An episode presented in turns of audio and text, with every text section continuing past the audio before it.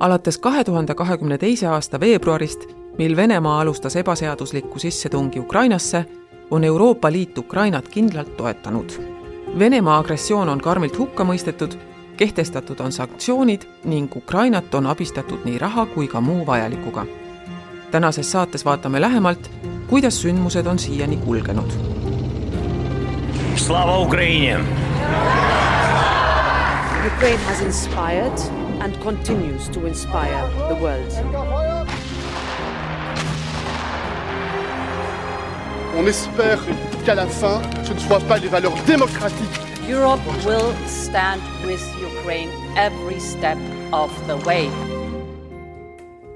ÜRO Ukraina inimõiguste järelevalvemissiooni andmetel oli kahe tuhande kahekümne kolmanda aasta lõpu seisuga Venemaa agressioonisõjas hukkunud üle kümne tuhande ja viga saanud ligi kakskümmend tuhat Ukraina tsiviilisikut. sõda põhjustas ka humanitaarkriisi, sest tuhanded ukrainlased on olnud sunnitud oma kodudest põgenema, kas rahulikumatesse Ukraina piirkondadesse või välismaale.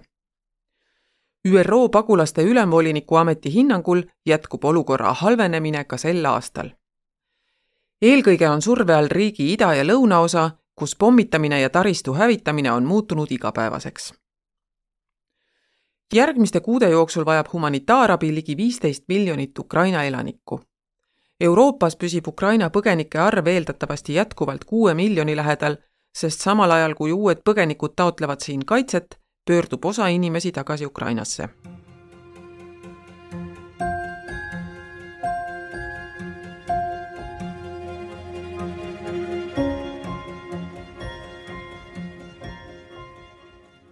sõda mõjub laastavalt ka Ukraina majandusele.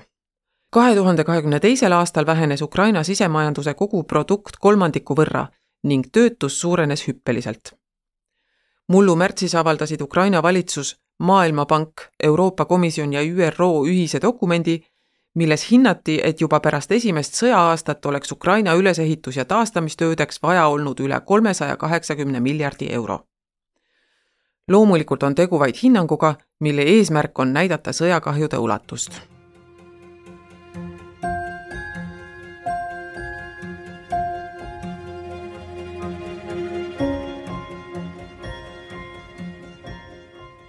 lisaks inimohvritele ja majanduslikule kahjule on sõjal ka pikaajaline keskkonnamõju. Ukraina Keskkonnakaitse ja Loodusvarade ministeerium hindas, et sissetungi algusest kuni kahe tuhande kahekümne kolmanda aasta juuli keskpaigani oli Venemaa tekitanud keskkonnakahju ligikaudu viiekümne kolme miljardi euro väärtuses. ÜRO keskkonnaprogrammi sõnul seisab Ukraina silmitsi mitme üheaegse kriisiga, mida põhjustavad kemikaalid, laskemoon, sõjatehnika, mitmesugused saasteained ning linnadele ja looduskeskkonnale tekitatud kahju. sõda on pärssinud ka põllumajandust, mis pole elutähtis mitte üksnes Ukraina majanduse, vaid ka ülemaailmse toiduga kindlustatuse seisukohast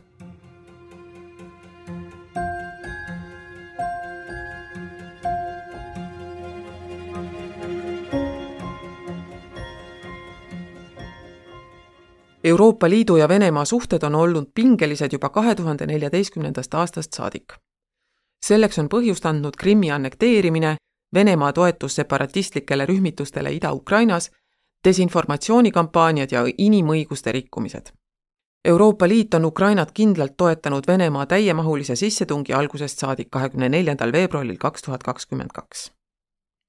kehtestatud on üksteist paketti enneolematult karme sanktsioone mis hõlmavad Venemaa majanduse peamisi sektoreid ja poliitilist eliiti. sanktsioonid on kehtestatud ka sõjaga seotud Valgevenele ja Iraanile. sanktsioonide tegelikku mõju Venemaa majandusele on palju uuritud ja arutatud. kuigi sanktsioonidel esineb puudusi, on analüütikute sõnul nendega praeguseks saavutatud kolm olulist eesmärki.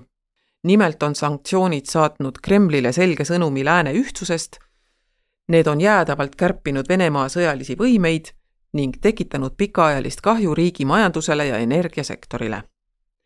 enamik eksperte leiab siiski, et praeguste sanktsioonide mõjust ei piisa. et vähendada Venemaa sõjapidamisvõimet Ukrainas, oleks kindlasti vaja lisameetmeid.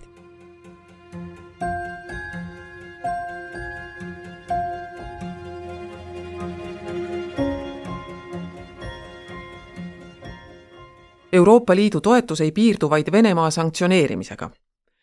Liit toetab samal ajal Ukrainat ka rahaliselt.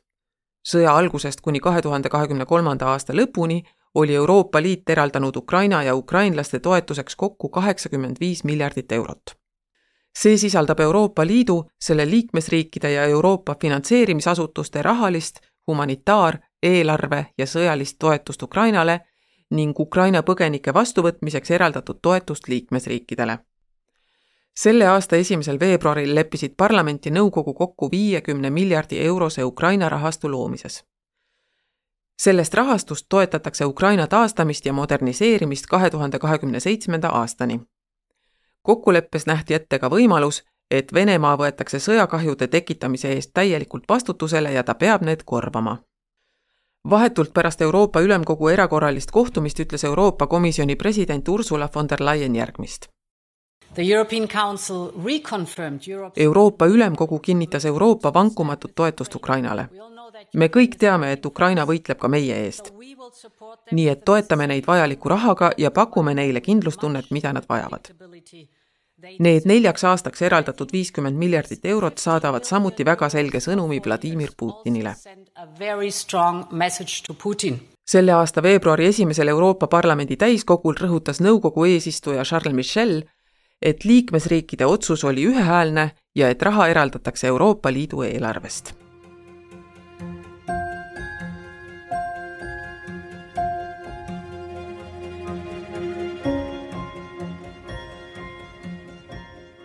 Euroopa Parlament on alates kahe tuhande neljateistkümnendast aastast, mil Venemaa annekteeris Krimmi, nõudnud agressorile karme sanktsioone. parlament on Venemaa Ukraina vastase sõja hukka mõistnud ja nõudnud, et sanktsioonid oleksid ulatuslikumad ning nende täitmine paremini tagatud. samuti on parlament nõudnud, et Ukraina taastamise eest makstaks Venemaa varadega, mille Euroopa Liit on külmutanud kahe tuhande kahekümne teise aasta aprillis külastas Euroopa Parlamendi president Roberta Metsola Kiievit, et näidata üles Euroopa Liidu toetust Ukrainale. Metsola oli esimene Euroopa Liidu tippametnik, kes pärast Venemaa sissetungi algust Ukrainat külastas. Kaks aastat pärast sõja algust ütles ta Strasbourgis järgmist.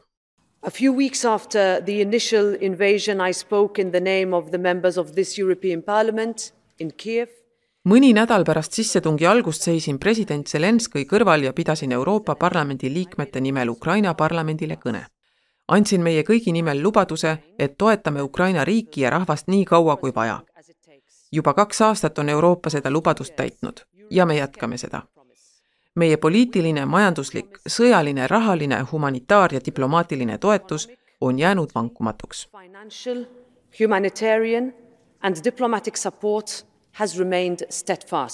Euroopa Parlament on samuti toetanud Ukraina püüdlusi Euroopa Liidu kandidaatriigiks saamisel. parlament kutsus liikmesriike üles ühinemisläbirääkimisi alustama ning otsus selleks tehtigi mullu detsembris.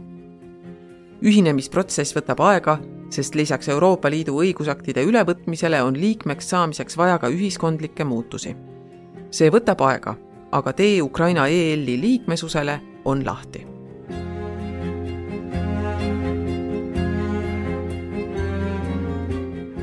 rohkem kuulamist leiate Europarl raadio veebisaidilt